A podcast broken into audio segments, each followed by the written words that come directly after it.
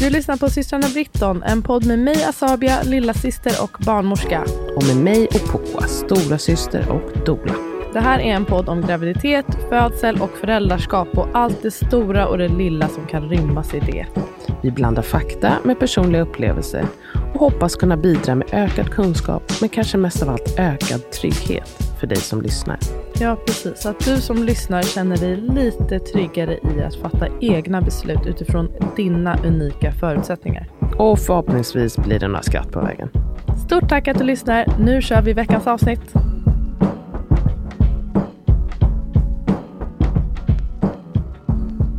Oh, jag Håller på att vända sig om här på golvet i poddstudion. Jag har aldrig sett när du vänder på dig. Kom igen då. Jag måste skaffa en större filt av något slag.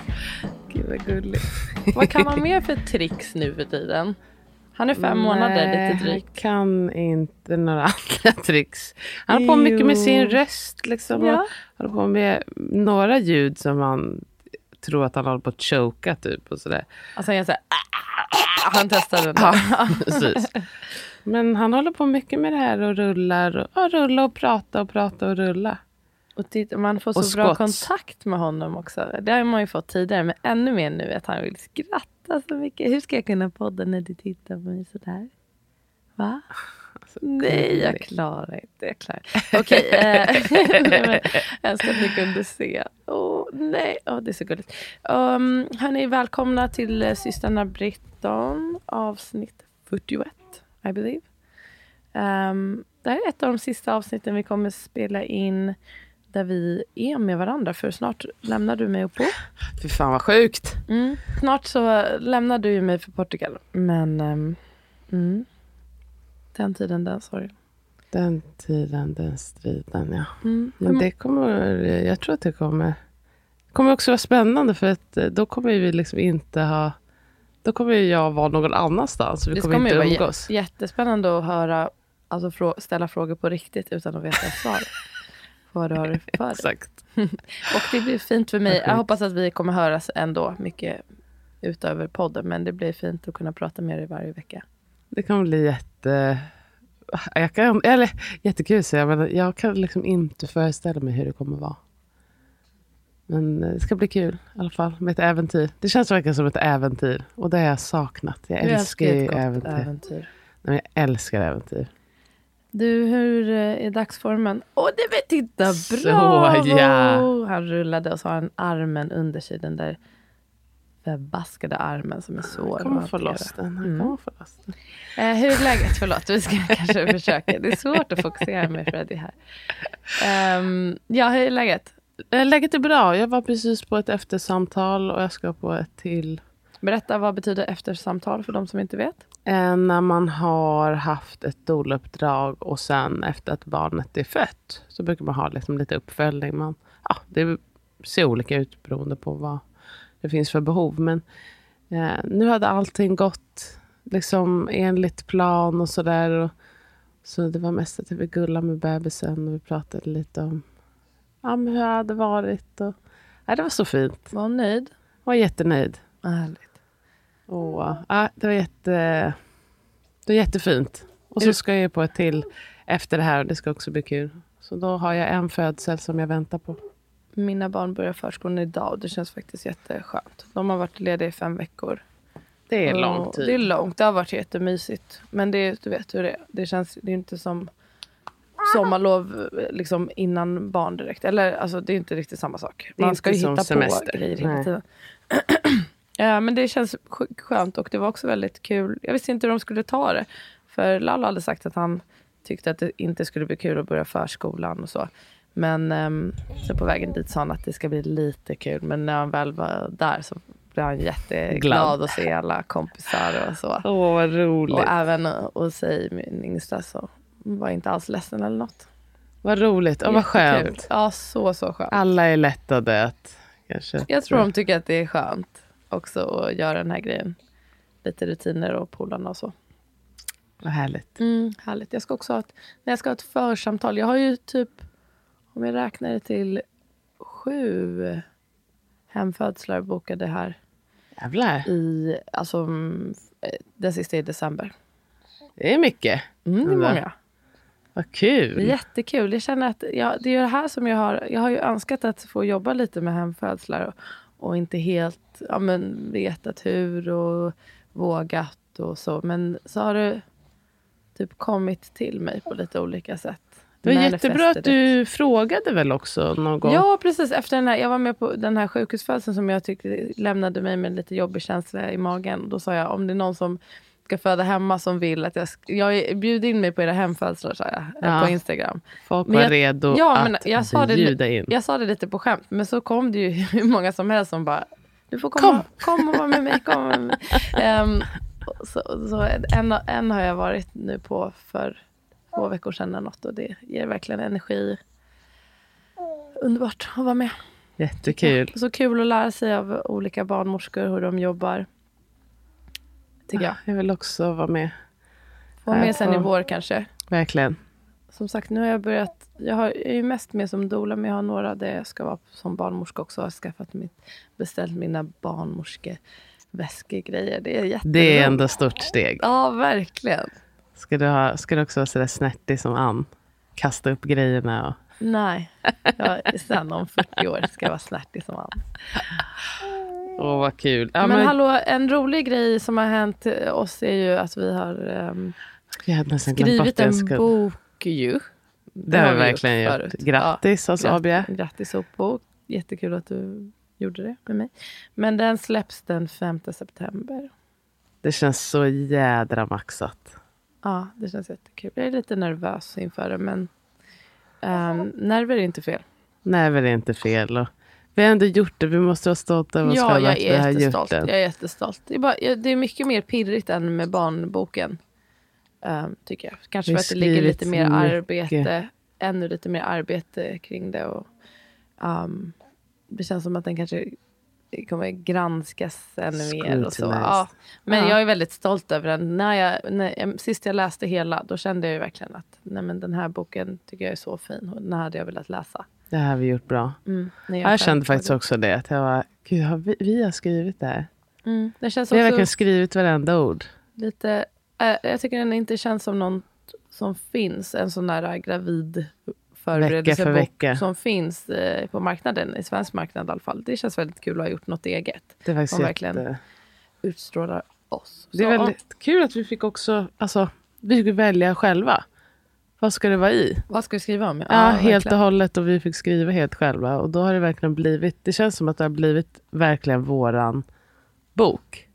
Ja, verkligen. Det är inte spökskrivet. Alls. Det var någon som frågade, ni har ju liksom inte... Jag bara, nej men alltså, vi har nej, skrivit, skrivit varenda, varenda ord. Aha, verkligen. Och bestämt vad det ska vara för ämnen. Och, mm, aha, var det någon som sa ja. det? Ja, men man kanske inte, man, jag visste inte heller riktigt hur det där skulle gå till. Och det fanns ju olika sätt att göra det på. Hon sa ju det, eh, vår redaktör Emma, att mm, på vårt första möte som jag, jag, hade med henne, jag vet inte om du var med då, men då, att man kan ju om man vill få liksom det skrivet åt en också.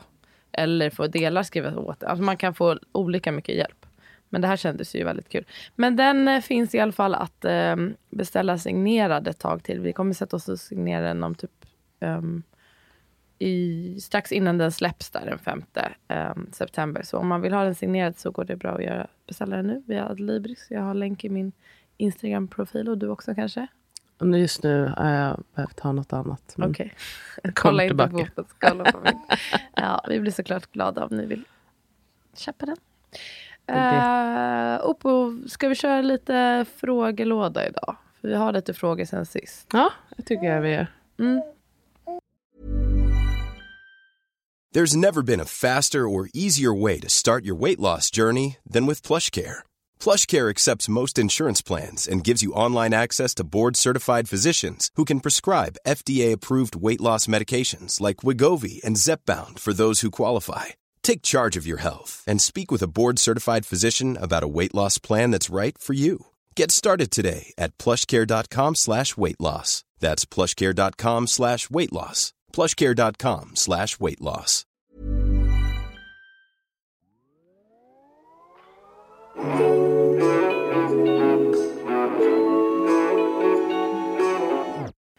Okej, okay, men vi har några frågor kvar från vår förra frågestund och um, jag har några nya också. Så jag bara fire away här tänker jag. Har de någonting med pruttar att göra?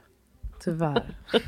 Du får komma på en pruttfråga efter om du vill. Uh, Okej, okay, ska vi se. Det här är en fråga. Jag hoppas inte vi tog den här sist. Jag tror inte det. Hur kombinerar man eliminera alla störningsmoment och ha det tyst med att ha sin två och ett halvt åring hemma under födseln? Jag antar att eh, personen kanske lyssnar på vår kurs hypnokurs.se där vi pratar om det, att eliminera alla störningsmoment och liksom ha det tyst och lugnt och kring sig. Eller viktigast är det väl inte att ha det tyst, men att man har det så att man känner sig lugn. Liksom. Precis. Och inte störd. Och, ja, jag tänker på din, när du födde, att, det inte, att jag kom in och det var typ reggaeton på eller någonting. Det var jätteotippat och kul tyckte jag. Från eh, högtalarna i taket. Nej, men jag tänker att eh, liksom, det kan vara bra att ha någon där som vars huvudfokus är barnet. 100%. Det är väl eh, liksom bästa tipset om man nu vill att barnet ska vara hemma. Och sen att barnet kan få göra vad den vill. Vill den gå ut, så låt den gå ut. Vill mm. den vara hemma så är väl det också okej. Okay, liksom. Men att det kanske inte är så här att till varje pris ska barnet vara hemma. Um, om den inte har lust att vara det. Liksom så att den kan få röra sig fritt. Det tror jag kommer ge bäst resultat. För då kommer barnet vara mest nöjd. Jag håller verkligen med om, om möjligt att ha någon där som är där för barnet. För det kan ju inte ligga på den som ska föda att uh, ta hand om barnet. Nej, och, och inte eventuell partner heller för den delen. Nej, precis. Och jag antar att man vill ha sin partner där vid ens sida. Um, och som Mopo säger, att man kan ju vara lite flytande kanske i det här. Jag vet inte hur viktigt det är att barnet ska vara med hela tiden, men det blir inte bra för någon om det är påtvingat. Utan om barnet Precis. vill gå ut och det kan ju vara en lång födsel eventuellt. Och klart att man måste kunna göra andra saker. Um, och känna efter själv också hur man känner. Eh, man kanske inte blir så störd som man tror, tror. att ha barnet där. Eller så stör det mer än väntat och då får man väl tänka om. Precis. Och man, alltså också, precis som äh, med så mycket annat, alltså bara vara var tydlig. Jag pratade ju som sagt med min dotter om om födseln häromdagen och då sa hon, hon bara, jag kommer ihåg att du sa att du behövde lugn och ro. Och att jag sa det då. Alltså att hon var hype och hon var jätteglad. Och, men när jag sa att liksom, nu behöver jag ta det lugnt och jag gick bort en stund, liksom var för mig själv och ibland så behövde jag lugn och ro men hon kunde vara kvar och att man bara får vara liksom, alltså barn är ju ändå ganska intuitiva och liksom säger man hur man känner då tror jag många barn i alla fall kommer också förstå. Um, och är det så att de känner att okay, men jag, jag vill inte ta det lugnt, jag, då är det bra att det finns någon som kan vara där och leka med dem i så fall. Mm. Och jag tänker, eh, nu är det en två och ett halvt år och det kan vara olika hur mycket de kan prata och ta in. Men man ändå tror att det är värdefullt att försöka förbereda barnet på den här födseln som ska ske. Dels kan man ju titta kanske lite på filmer där barn är med.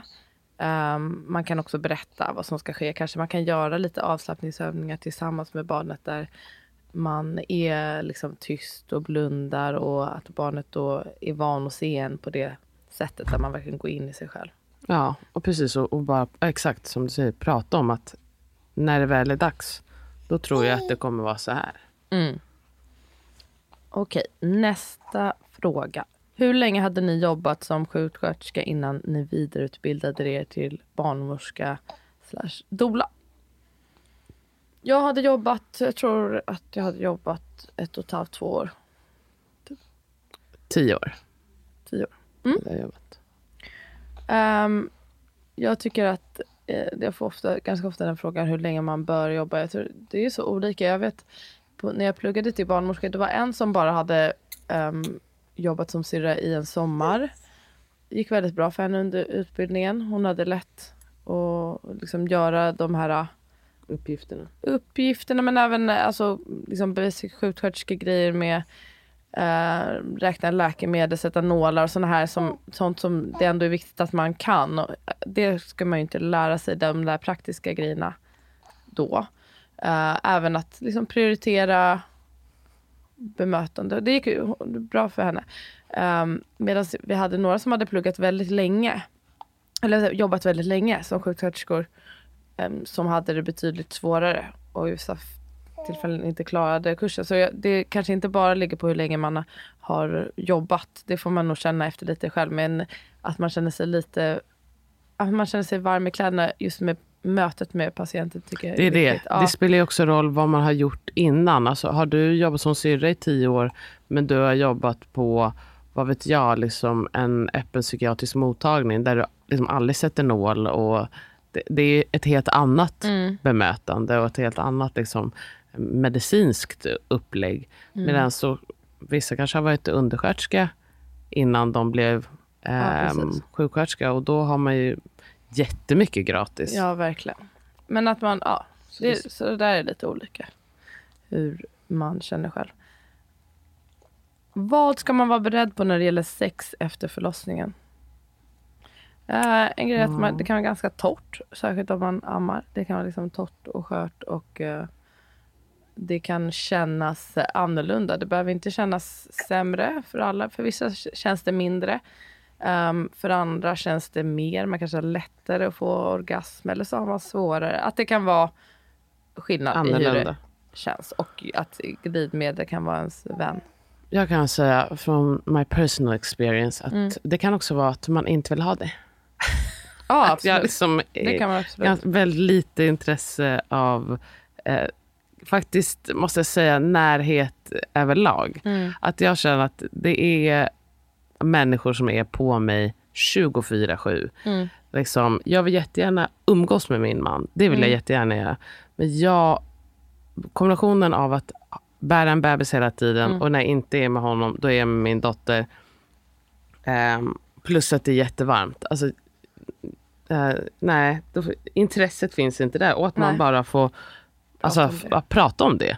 Och jag menar, jag hade så förra gången också. Så min man är bara så, ja okej, då så. Ja, det går över. Liksom. Samma här. Det, jag har haft det typ första året och jag tror också det har mycket med amningen att göra. Um, dels kanske hormonellt med lusten men också som du säger att ha så närkontakt hela tiden. För mig blev jag mätt på det. Mm. Och um, jag orkade inte liksom så fort man lägger ifrån sig barnet att någon annan ska ta på mig. Men det där är också så himla olika. Vissa har jättemycket lust. Exakt. Jag tänker bara att det är, vissa, alltså, jag att, äh, båda, man är bara tydlig med att båda grejer är helt eh, vanliga och normala. Ja, och man, prata om det. Ja, precis. Det är, inte liksom något, det, det är inte som att det kommer vara så för evigt för att det är så nu. Det är många som får tipset att mm, liksom, gör alltså, bra, göra det fort. Så fort man får typ okej okay efter efterkontrollen för att eh, annars kommer det aldrig bli av. Alltså folk får det tipset från barnmorskor. Vilket jag tycker är det är konstigt. Om man inte vill. Ja, bara så, uh, annars så kommer det aldrig bli av, typ att man måste få det överstökat. Det är men, inte alls så. Nej, verkligen inte. Och man kan ju verkligen inte känna sig redo, dels mentalt men också fysiskt. Um, kan man känna att man inte är redo. Jättedå alltså, jättedåligt, ja, jättedåligt råd. Men det är många som får det. Aha, okay. um, men gå på egen känsla och sen så man kanske inte känner, det kan ju kännas lite läskigt med liksom omslutande samlag i början. Men då kan man ju börja lite långsamt med andra grejer. Men det hoppas jag att ni förstår. Att man inte behöver göra penetration direkt. Du, ser äcklad ut. jag tänkte dra ett så opassande skämt. Så jag... Ska jag göra det? Vill du? Nej. Ja, du, att man kan köra anal. Okay. Uh. alltså, jag tänkte säga det tyvärr på ett grävligt sätt. Så jag blev förfärad av mig själv. Är min min. ja, men uh, ja, att det kan kännas annorlunda och man kan vara torr och man kanske inte har lust på ett bra tag. Så snacka om saken. Exakt. Gör inget du inte vill göra. Tips och tankar när, det, när barn börjar smaka och äta. Mm. Just det, det är där jag är just nu. Du hade en bok som du tyckte ja, jag, jag skulle... tycker den är bra. Stora boken om barn och mat. Jag, tycker, jag håller inte med om allting som skrivs i den boken. Till exempel lite om amningen. så tycker jag är sådär. Men jag tycker att den har många bra tips och tankar kring just um, hur man kan introducera mat och smaker. Så det, den tipsar jag om. Och Instagramkontot Solid Starts. Oh my gosh. My godness. My gosh. Nej men Solid Starts. Det är så roligt. För när jag började följa dem så tror jag de hade typ 800 följare eller någonting. Alltså nu är det ju jätte, Alltså de har typ 1,4 miljoner. Alltså de har, det är så kul. Och jag, alltså, jag, jag är de flera jag, stycken? Det var Jenny från början, hon och sen var de ett litet gäng med typ en dietist, någon så allergiexpert, någon läkare. Men sen nu har det ju vuxit. Hon, hon startade det själv på sin föräldraledighet um, för att hon hade svårt med uh, ett väldigt petigt första barn och så kände hon att det inte fanns något enkelt sätt att um, lära sig om vad barn kan äta och vad som är bra och för dem. Och, och hur man ska tillaga och så. Så gjorde hon den här um, Instagram-kontot och hemsidan och numera finns det också en app. Uh, Solid okay. Starts. Så jag verkligen en stark rekommendation. Gud vad jag kollade. Jag kollade varje grej jag gav i början till eh, och säga liksom, hur tillagar det här. Vilken, de skriver liksom hur man vilken skär. Form, vilken ja, form och, och, om det är vilken nutrition value det har och hur man kan recept man kan tillaga liksom enkla. Det är lite baby led weaning inspirerat, alltså att man inte ger puréer och så utan att man ger Alltså man kan ge puréer som man själv äter puréer. Det är inte som att man inte får ge puréer. Men man ger den mat man själv äter. Um, för att barnet uh, lära sig att... Svällteknik. Svällteknik och, och just inte uh, minska risken för att sätta i halsen. Uh, längre fram och att man övar munmotorik och så. Jättebra mm. tips. Men med ett andra tips, alltså verkligen kolla den sidan och kolla också om man är nojig för det här med att barnet får kräkreflex. För många eh, förvirrar det med att barnet sätter i halsen. Utan det står också väldigt bra om i eh, den här uh, stora boken om barn och mat. Om de här kvällningarna som är bara ett eh, naturligt liksom, skyddsmekanism för barnet att Exakt, något man vill ha där.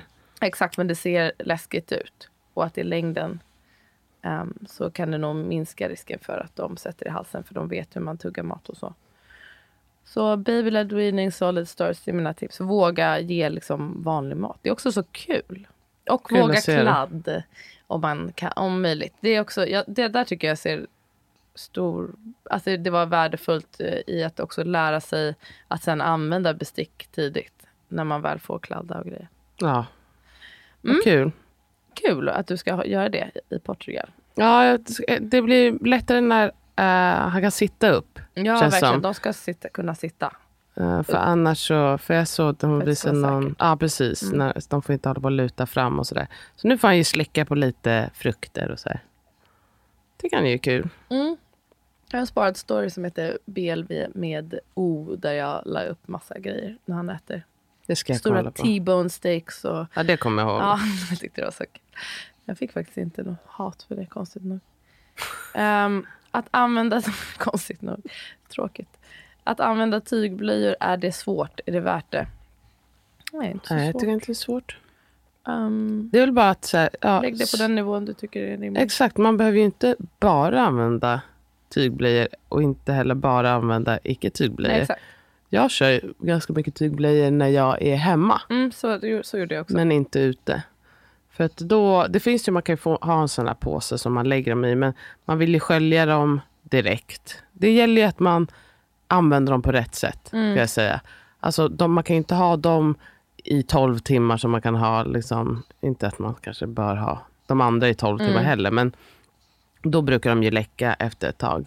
Men att man ser till att man sköljer dem direkt efter eh, användning så att de inte luktar illa. Mm. Och att man tvättar dem ordentligt. Och vissa är så här, men om man ändå ska hålla på och tvätta dem, då är det ändå inte miljövänligt. Men jag i alla fall brukar inte tvätta dem för sig, utan då lägger jag dem i tvätten och sen så när jag ändå tvättar andra grejer så tvättar jag dem. Vissa tycker det är äckligt, jag fattar inte riktigt det. Eller jag tycker det blir ju rent. Folk tycker det med menstruos och så också, att det är så äckligt att man tvättar dem med... med. Nej, det, det, förstår inte jag. Jag är inte så, heller så äcklad av alltså min kropp på något Nej. sätt. Och också, som sagt, man sköljer ju ur dem mm. innan. Mm. Så att det är inte som att de är till bredden Dränkta, fyllda nej. med urin. Liksom. Um, men också till tycker inte jag att... fyllda med urin. Sol och dag. Det är den nya vet sommarlovslåten. Nej, ah, men, det var kul. Eh, tips, eh, man kan testa några olika varianter kanske. Det finns ju köpa begagnat. Det tycker vissa är också äckligt. Men vad fan, de är rena. Nej, jag har ju tagit över uh, och sägs. Mm. Folk tycker alltid Ja, ja, men då använd inte tygblöja om du tycker att allt sånt där är äckligt. Nej, då kommer du tycka det är äckligt. Men är, med, är man... För okej, okay, jag tänker att det är inte som att jag... Jag kanske sparar ändå det är inte, mellan fem och tio blöjor i veckan. Mm. Och hängtorka dem vill jag säga förlåt, med skötsel. Man ska gärna hängtorka, inte tumla. Nej. Ja, men det är ju jättebra att spara 15. Den, ja, fem till tio. Ja, fem ja. till tio också bra. Det är... um, men det där är också lite vanlig sak. Jag vet att Amat, han, det, där satte han gränsen för grejer han ville testa med mig. Tygblöjor. Det, det, gjorde han inte. Jag kommer inte heller tvinga honom att göra det. Så jag, jag gjorde det när jag hade, hade liksom, barnet. Och han gjorde inte det när han hade. Ja, det man får göra det man vill. Mm. Däremot körde han ju pottning och då sparar man också jävligt mycket blöjor. De kan potta tidigt. Vad krävs för att bli dola rent meritmässigt? Vilka egenskaper tycker ni är viktigast? meritmässigt mm, finns det inget. Alltså, du får vara vem som helst. Och, um, alltså, det är bara att söka en utbildning och kunna betala för det. Det är mm. det som du behöver Folk kunna. skriver ofta och frågar om tips på utbildning. Då brukar jag säga att de ska höra av sig till dig. Jag vet inte. Ja, eh, tyvärr. Det är, ja, den är slut nu. Ja, den finns inte? Nej. Vad då? då? Nej. Ja, men Emma och Anna de valde att sluta. Ja, ah, okej. Okay. För eh, Emma Philipsson och Anna Telve hade en utbildning Jättebra tidigare. utbildning. Okej, ja. Ja, det är med sorg. Men eh, det är bra om de... Du får börja en doula-utbildning kanske? Mm. Inget omöjligt. Jag vet, jag vet vem jag vill lära mig. Jag vet också vem du vill lära dig med. Um, vet du det? Anneli tror jag. Nej. Nähä. Jag skulle göra det med Fredrik. Så var queer ah, okay. ah, okay. Här är en fråga till dig. eh, ja, men eh, precis. Man får ju, vem som helst får eh, utbilda sig till doula. Det brukar vara tre dagar, va? Eh, fyra dagar. Fyra dagar. Eh, men vad, vad, är det bra att ha för egenskaper? Det är så att man ska ha tålamod.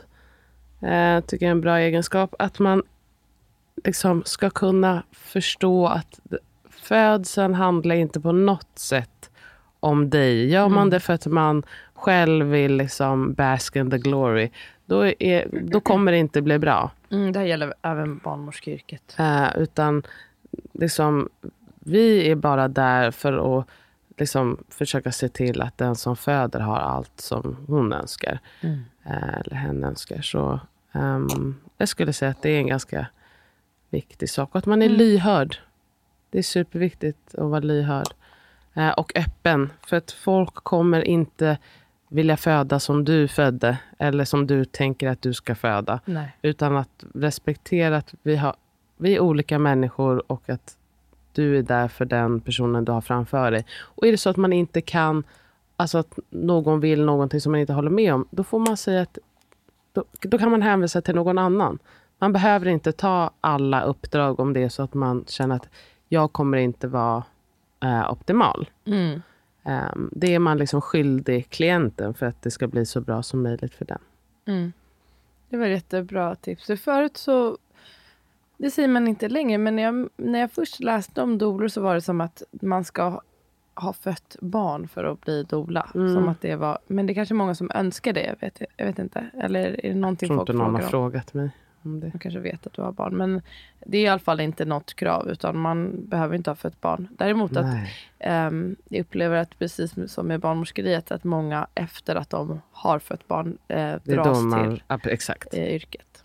Men det är inte, det finns ju um, det finns ju jättebra doler som inte har fött sina barn. Mm. Alltså jag menar, det är inte det som är det viktiga. Nej, och det som kan vara det kan ju finnas fördelar absolut med att ha fött egna barn, men just det här med att man då också har med sin egen erfarenhet som man kanske har svårt att släppa Exakt. referensen till. Det kan vara bra att vara en clean state kanske. Precis, speciellt i början. Mm. För då är det ju oftast man, alltså det man har är sitt eget. Um, och så, så ser man saker ur den länsen. Liksom. Mm. Sen så när, ju fler födelser man har varit med på, desto mer inser man ju att alltså, ja, mitt är mitt. Och Ja, precis. Jag, jag minns verkligen det på barnmorskeutbildningen också. Att då, då var jag en av få som inte hade fött barn än. Och hur ofta folks födslar kom upp. Alltså, det hade väl säkert jag också gjort om jag var där och hade fött. Men det kom upp hela tiden och jag upplevde också att det var um, många typ bearbetade deras födslar mm. genom att göra den här utbildningen och få prata om det. Att det finns ju som du vet så stort behov av att prata om sina födslar. Säkert de som har varit jobbiga. Och mm. det kom verkligen fram varje lektion. Liksom. Jag kan bara tänka, det är bra att de får göra det där. Då, ja, så att där, de kanske inte tar med sig det in i, mm. i rummet. Vilken avdelning gav mest som syrra innan ni fortsätter med era respektive utbildningar? Infektionsavdelning på Sankt Göran. Mm. Inte palliativa? Eh, alltså innan jag blev doula, förlåt, jag tror det var som syrra, alltså i min syrreroll. Jag tror, jag tror de räknar doula. Alltså det är det ah, som okay. jag Ja, men då, då skulle jag säga palliativa. Palliativt är alltså när man får eh, vård i livets slutskede. Skede. Ja, precis. Det gav mig mest som doula. Vill du berätta lite? Du har pratat om det i några program, men inte i våran podd. Vad, du, du jämför ibland att det är ganska likt att vara det ta hand liksom, om någon i livets slutskede och under en födsel. Det är faktiskt väldigt eh, likt på många sätt. Det är det här med den tysta kommunikationen. Eh, man inser hur mycket man har att vinna av att man har träffat varandra innan. Mm. Eh, så att man har liksom någon typ av hum om vad det är för person, vad kan de tänkas vilja ha, hur ser de ut när de pratar om olika saker. För att sen när födseln drar igång så är förhoppningen att man inte ska behöva vara så himla verbal. Eh, och att man liksom är uppmärksam på subtila signaler och att man är liksom så himla närvarande. Ehm, för det är ju någonting när någon inte pratar utan liksom kommunicerar med sin kropp istället. Mm. Då kan man inte hålla på att tänka på andra saker eller liksom mixtra med något annat, utan då måste jag vara här och nu. Och i, alltså man är liksom bjuden in i någons space. Och det tar väldigt mycket energi, men det också ger ju så himla mycket energi. Mm. Jag tror att det är därför ofta, även om man har varit på en väldigt snabb födsel, att man kan känna den här ja, men nästan så här att man är dränerad på ett sätt men samtidigt eh, full. Och Det mm. kunde jag också ha alltså, när man var med en patient och när de väl dog. Att liksom, det är ju en lättnad eh, samtidigt som att det är, liksom, det är så himla mycket mm. liksom, eh, på samma gång. Och så, så är det ju något som är så alltså som jag tar med mig till graven. Att jag har fått göra allt jag kan för att se till att så många människors död har blivit så bra som de har kunnat bli. Och samma sak med födseln. Det är inte jag som föder barnet eller döda personen förstås. Men, eller dör för. Eller dör för den delen. Men att jag kan få hålla dem i handen och lyssna på dem.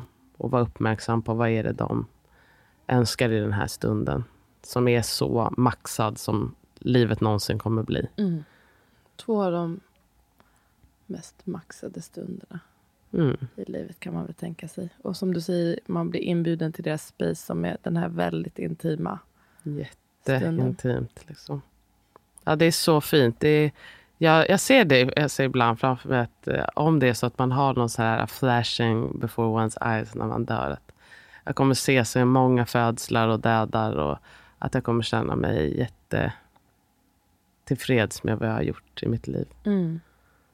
Det är en jättehärlig känsla. Vilken ynnest. Vill du stänga av ljudet på din mobil? Ja, det vill jag. Förlåt, jag har den på ljudet. Födslar och dödar. kanske. så. Ja, för mig så var det bästa att jobba på gynavdelning och på gynakuten. För man får lite gynkunskap eh, på barnmorskeutbildningen, men inte så mycket. Och det kände jag att jag hade mycket nytta av. Dels att jobba med sena aborter men också med olika typer av gyn liksom, och kommor mm. som man kan också möta när man jobbar med kvinnor i fertil ålder. Um, Sena aborter, det låter faktiskt bra ändå att ha den erfarenheten. Ja, även fast jag som jag sagt tidigare kände att jag önskar att jag hade min barnmorskekunskap egentligen då. Mm. Och jag hade kunnat göra det mycket bättre. Men eh, det var ändå det var en lärdom ändå. Mm. Ja, och på gynakuten, att där kunde det verkligen vara att det kunde gå snabbt och vara superakut och lära sig det här att arbeta snabbt och prioritera. Och så.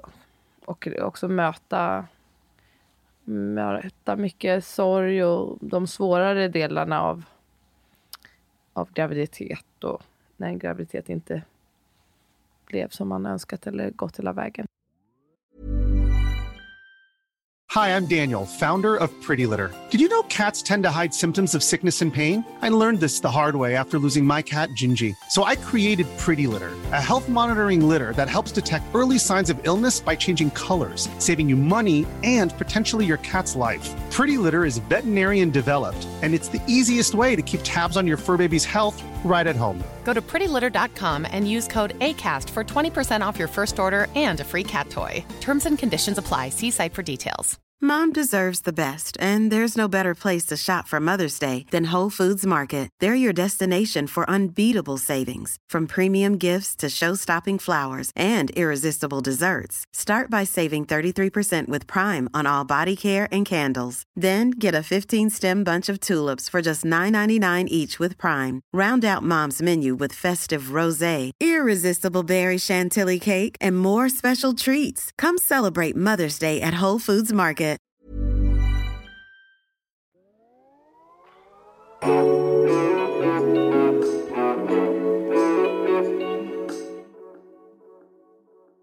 Tips på hur man kan prata med barn om att mormor inte lever. Dog innan barnet föddes.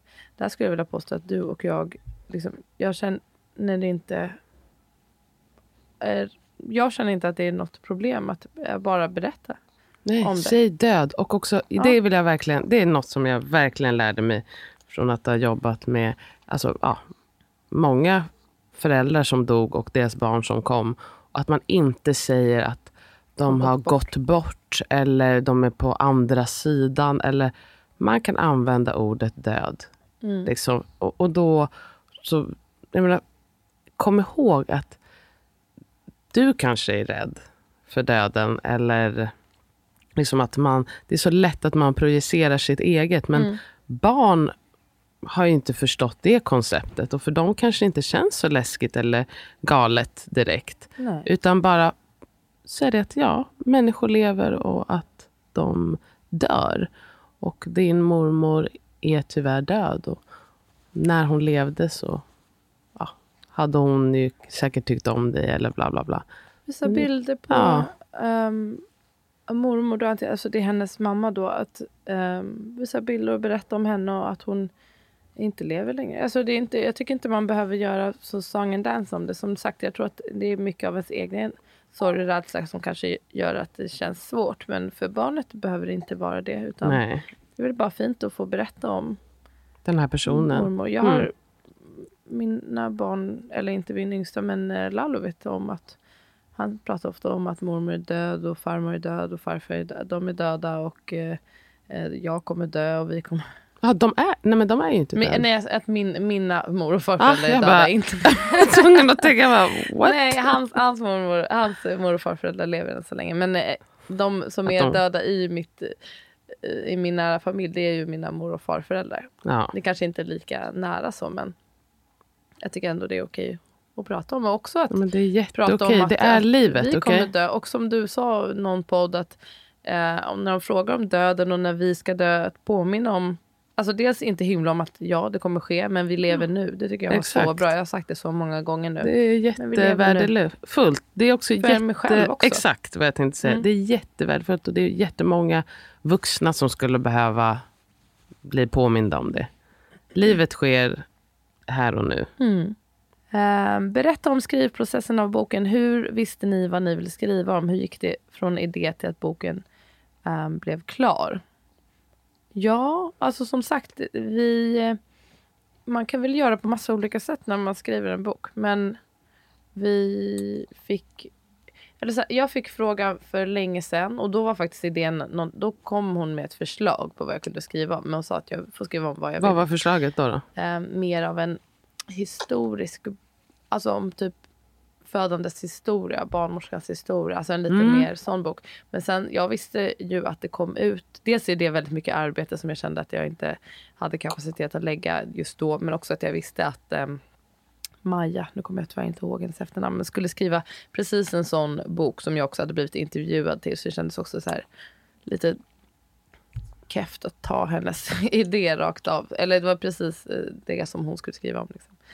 Um, men jag tyckte väl bokidén kändes rolig men samtidigt så himla svår. Liksom, vart börja skriva en bok? Och jag skjuter saker i, fram i tiden. Och um, sa att jag hör av mig om några månader, jag hör av mig om några månader, jag hör av mig om några månader. Och så tog, gick det liksom fyra år typ.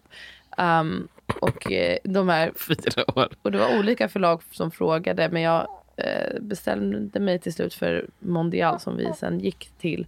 Uh, men höll på att skjuta det fram i tiden jättemånga gånger. Tills de sa att uh, vi har en idé att du skriver boken med din syster. Att ni kan skriva någonting tillsammans för ni jobbar ihop liksom nu. Och då var ju du på för det första. Tyckte det var kul. Mm. Och då har du ju... kom då att det var en av få gånger jag sa nej. Du vet ju att jag är en uh, yes av rang. Ja, men du sa, har sagt nej till en del, hel del här med boken. Men nu är det ju mer ja. Men i början var det så här, jag kommer inte göra någon tv kring boken. Jag kommer inte prata om boken. Ah, det är lite nerver. Verkligen. Jag är, jag är verkligen stolt över att jag är en Jessie. Ja. Men, men plötsligt blev jag jätte... Jag känner mig som Bambi på halis. Jag minns faktiskt inte att du sa, sa du nej. Sa nej. Sa du inte att du ska sa, Nej, jag sa nej först och sa, mm. men, du, kan vi bara ta det här mötet med dem så kan vi höra vad det är. Okej, okay, då gör mm. vi det då. Och sen sa du ja. Ja, Gud. sen... Inte också, ja. Ja, mm. men, och efter det så kändes allting så himla mycket lättare. Dels att skriva med någon, sen så tycker jag att du är lite mera, du får liksom grejer gjorda och det, var, det blev också mer av en deadline eftersom du ville skriva klart eh, innan mm, du föddes. Så då blev det, jag jobbar också bättre med en, en deadline så det kändes bra. Och då kändes det också inte alls lika läskigt. Att det, det är inte bara mitt namn på boken utan det är ditt också och du kommer med dina perspektiv och din kunskap som dola. Kändes, ja, då kändes det mycket roligare, mycket lättare och då gick det undan. Ja, det gjorde det faktiskt. Då, jag, um, jag kommer inte ihåg hur det, men jag, jag avsatte i alla fall om det var två månader eller tre för att bara skriva. Uh, alltså ha det som liksom, heltidsjobb. Och eh, vi skrev hela boken, alltså hela första utkastet liksom, och skickade in allt i ett sjok. Man hade kunnat också skicka liksom, För jag skickade ju ett kapitel. Ja det gjorde vi. Mm. Vi skickade först ett kapitel men sen så skrev vi bara allt. Så skrev vi Och då var det jättemycket mer än det som är, blev i boken till slut. Och sen så var det jobb med att ta bort grejer och de hjälpte till att bestämma ordning och så. Um, och, ja. och redigerade lite. Redigerade lite och sen väl var det bilder och formgivning och så har vi fått hjälp med. Men all text och alla, alla idéer typ är våra. Ja, det, det är faktiskt verkligen våran mm. bok. Och hur vi visste vad vi ville skriva om. Um, Ja, jag tyckte det var, det var så ganska givet att skriva lite i bokform det som vi pratar mycket om annars i våra kanaler. Just förberedelse inför födsel. Och vi, just att vi båda har hypnobirthing i bagaget och mm. har utbildat lite kring det tillsammans. Och att det kändes fint med ditt doula-perspektiv och mitt barnmorskeperspektiv.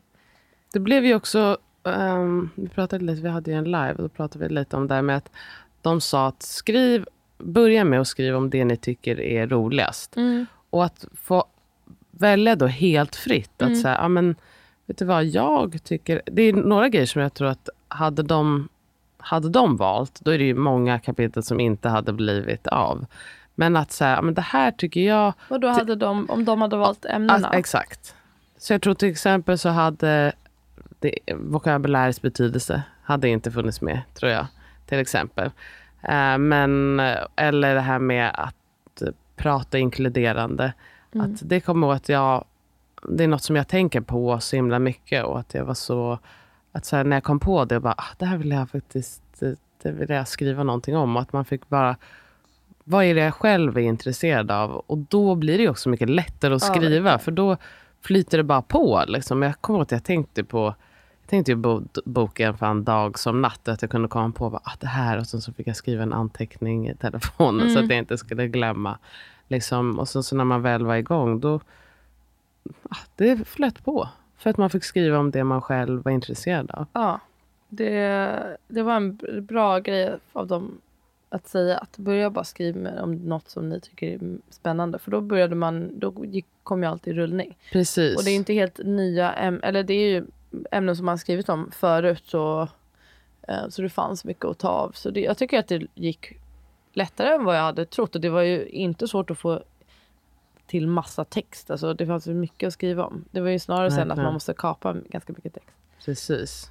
Och sen så tyckte jag, alltså när, vi hade, när man hade skrivit mycket, då kunde man ju kolla vad känner vi att vi behöver komplettera med. Att liksom, ja, vi skulle vilja ha även det här och det här. Mm. Och då kanske man, i alla fall för mig, att då fick jag ju eh, läsa på kanske lite mer och kolla. Mm. Till exempel, um, skrev kejsarsnitt avsnitt, kejsarsnitt avsnittet, mm. kejsarfödseln kapitlet då liksom att jag kände att nu vill jag ha mera kött på benen och så här. Så det var, det var blandat beroende på vad det var för kapitel. Men det, allting var ju roligt. Liksom, för att jag lärde mig massor. Jag lärde mm. massor av att läsa ditt. Jag lärde mig massor av att också ifrågasätta. Så här, men, ja, varför tycker jag det här? Och, ja, och att vi har haft några jag ska säga, gäster med i boken. Alltså mm. experter på sina områden som har fått skriva. Det också tyckte jag blev jättebra. Mm. Agreed. Vad var det svåraste med att skriva? En fråga. Mm, bara få liksom, jag jobbade ju heltid och var gravid och hade ett barn och så här, Så det var att liksom bara få Tiden. tid och utrymme mm. att skriva. Ja, verkligen. Kudos till dig. Um, svåraste var kanske... Ja, vad var det svåraste med att skriva? att välja ut det som var viktigt och att inte vara alltför självkritisk, tror jag. Att jag kanske... Min initiala tanke är oftast att allting är så dåligt liksom, som jag gör uh, i början. Sen så brukar jag tycka att det blir bra sen. Men i början tycker jag alltid att nej, det här är värdelöst. Det och du vill tråkigt. inte att någon ska missförstå? Och jag vill inte att någon Tolka. ska missförstå eller um, typ ta illa upp. Eller men, ja, jag försöker vara eh, liksom, vara inkluderande och vara eh, inte att någon ska känna sig skuldbelagd eller att det ska att mottas på fel sätt. Eller, ja, så. så det är också lite svårt. Eh, kan vara svårt att navigera i också när man, om man tänker på det alldeles, alldeles för mycket. För det kan ta bort lite själ i det man skriver. Att när man håller på att tänka alldeles för mycket på vad andra ska tänka. Mm. Mm. Um, för och nackdelar med att skriva en bok med sin syster. Det beror på vad det är man har för syster kanske. Men, okay. men skriva med dig. Eh, fördelar att eh, du är väldigt arbetsam och eh, ja, men just att du mm. får saker gjort och du kan massa saker som inte jag kan. Vilket typ receptdelen och träningsdelen, det hade jag ju aldrig kunnat eh, skriva om. Och eh, även ja, men, Dola, allt du skrev om var toppen. Att det, det är liksom, ja, ja, alltså, det är ju inte att du så, är min syster, syster kanske. Nej. nej. Men att jag känner dig väl och vet hur du det är väl det bästa. jobbar. Det, det är inte något hinder i att så här, ringa dig och fråga någonting eller säga någonting.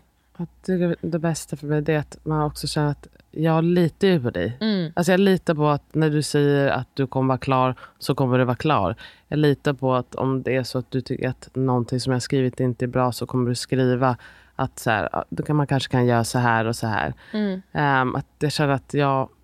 Det är aldrig att man var så osäker på...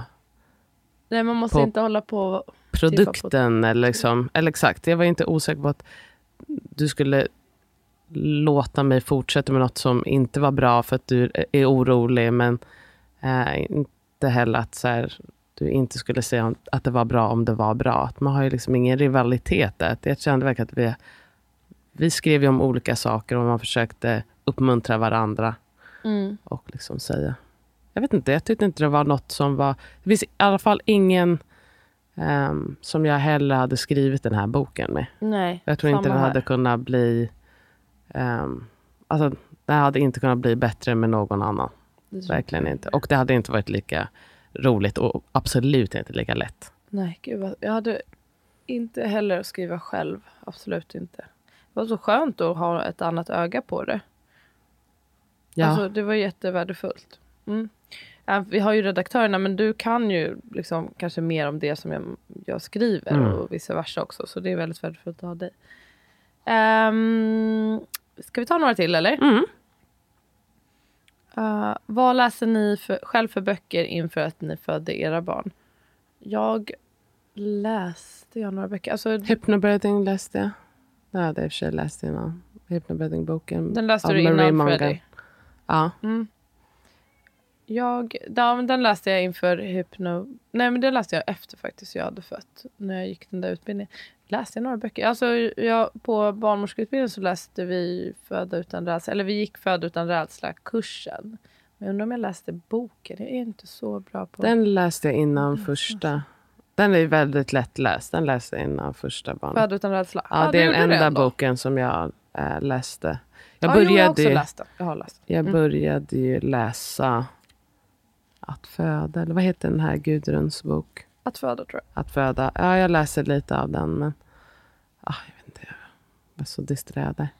Men inför andra... Um, jag började, började ju läsa några olika böcker. Jag, jag läste um, nästan hela Märtas bok. Ja, den läste jag. Den läste jag faktiskt. Märta Kullhed.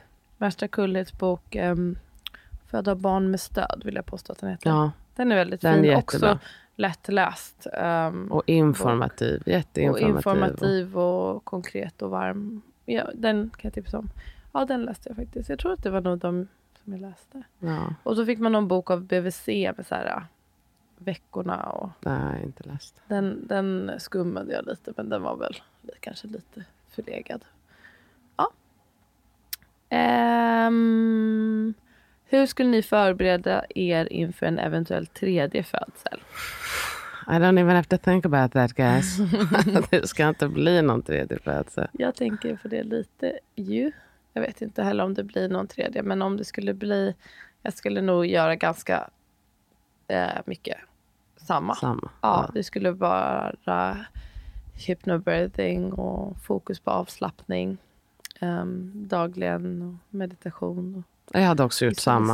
och affirmationer. Jag tyckte det. Jag, ja, jag la ner mycket tid och energi. Och jag kände att jag hade sån, alltså, eh, sån utdelning av det jag hade liksom, eh, investerat. Om mm. man säger. Det, allt satt i ryggmärgen och jag kände mig 100% redo. Och det gick precis som jag hade kunnat hoppas. Mm. Jag, jag, tror jag kanske skulle ännu mer aktivt tänka på att eh, försöka lyssna på min intuition. Det gjorde jag då också, men kanske till exempel ja, men lite med så här, eh, hur mycket arbete jag tog på mig. Att kanske hade minskat det lite om jag verkligen hade lyssnat på intuitionen. Det skulle jag vilja göra mer. Um, och jag kommer absolut också göra som jag gjorde sist med att um, stänga Instagram där i slutet, men kommer nog göra det lite tidigare. Alltså att också tänka på det som ett störningsmoment. Nu är jag ju på Instagram väldigt mycket, så att skärma av mig lite och bara så gå in i mig själv, det tyckte mm. jag var väldigt bra. Men typ samma lika. Jag tycker att det blev toppen sist. Um, en fråga till, eller? Mm. Säg en pet peeve ni har i era parrelationer eller i allmänhet. Vet du, jag har en ny. Det är så störigt för att jag vill ja. bli av med En pet peeve det är alltså så här, små saker som man äm, stör sig stör på. Sig på. Att nu är det som att jag hör min man hela tiden oh, nej. andas in. Han blir så galen. Och så här, innan, som är ofta som han... Inte något jobbigt, men det kommer vid liksom olika tillfällen. Jag, bara så, låt honom bara andas. Mm. Snälla rara, släpp det där. Men jag hör det ju hela tiden. Så nu är jag bara så här, har du sagt det? Gjorde det, in, ja, det värsta är att jag nu härmar honom också. När han gör det så bara gör jag samma sak. Han bara, okej. Okay. Alltså det kommer inte hjälpa. ja, ja, det, det är jättejobbigt när man börjat störa sig på sådana saker. Jag, nu kom jag på, jag, hade, jag kom på en bara för att Amat påpekade det här om dagen. Han, när han ställer för mig, jag tycker att det är en dum fråga. Men han menar ju att jag borde kunna tolka Ja, när du förstå vad han menar. bokstavs... Ja, men att jag, han tycker att jag bokstavstolkar men jag tycker frågan är ställd på ett dumt sätt. Det var ju typ nu sist så sa han, vad frågade han mig? Ja, vi, vad satt, gör vi satt utanför, eh, eh, utanför lekplatsen allihopa.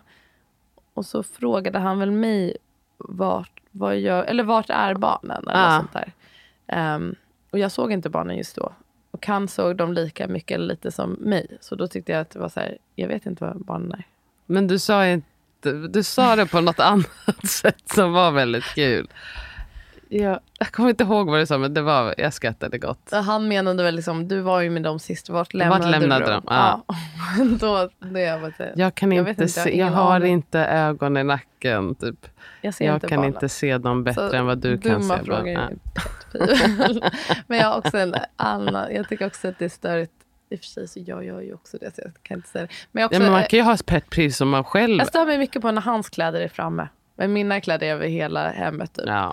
Um, jag tror han har väldigt många med mig också. Till exempel att jag liksom aldrig packar upp och att jag har massa lådor och bud som jag aldrig packar upp. Jag bara har dem vid dörren i veckor. Och att jag inte öppnar Fan, mina brev. Jag har räkningar. Han lägger typ räkningar i mitt knä men jag kan inte öppna dem. Uh, så att jag är verkligen, jag tror att jag är jättemycket Den större. större. Och jag Ja. hatar också att han inte stänger luckor. Det stör jag mig på. Luckor? Alltså vadå, i köket? Ja, Det är störigt. det är väldigt störigt. Det är väldigt störigt. Det är min nya pet peeve. Jag har sagt det till honom. Också släcklampor. För fan, jag hatar när folk inte släcker lampor. Ja, du hatar. Du kan ju vara lite men man, alltså jag- man har knappt kommit ut, kommer in och släcker lampan. Och också hatar jag ju när folk låter vattnet rinna. Nej, men alltså det, Det- Man får inte göra det Tyvärr ens en så- sekund när man borstar tänderna. nej, man Nej. spolar ju på vattnet på tandborsten, sen stänger man av. Mm, du skulle också hata att Lalo spolar liksom mellan varje... Att han spolar så många gånger när han går på toa. Jag försöker lära fan, honom. Alltså. Men han, han hatar ju att det är om typ det är minsta 20 lilla... liter per gång. Nej men alltså Är det? det? är, Ja, jag, förs- det är liksom verkligen... hur mycket som helst. Kanske inte lära honom. 20 liter men det är, fan, det, är fall, det är mycket mer än vad man tror i alla fall. Okej. Nej, nej, nej. Det värsta är tyvärr att äh, min dotter har ju börjat polisa min man. Hon bara så du kan inte ha så hårt stråle, det kommer så mycket vatten. Han blir så jävla sur. Ja, undrar om jag har något annat med andra. Det det är ju mer med dem man lever med liksom hela tiden.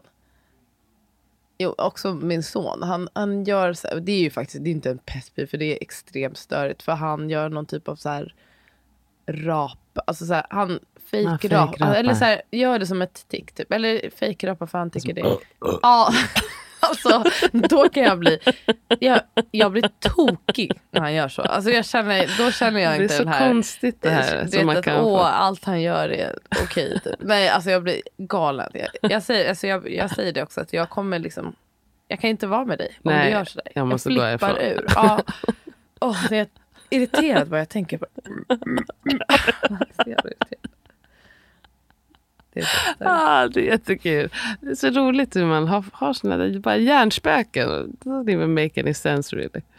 Mm. Ja, men uh, on that note. On that note, hur många avsnitt har vi kvar som vi kan spela in här? Typ Ja, Tre, vi, fyra. Tre, fyra. Mm. Hörrni, vi har fått lite olika ämnen till podden och jag skriver upp, men ni får jättegärna föreslå eh, mer. Nu kommer du kanske ha massa tid att förbereda podden. Mm, grejer hoppas det. Från Portugal. Portugalien. Jag vill också säga att vi har ju faktiskt fortfarande en kurs som heter hypnokurs.se. Den är ju toppen.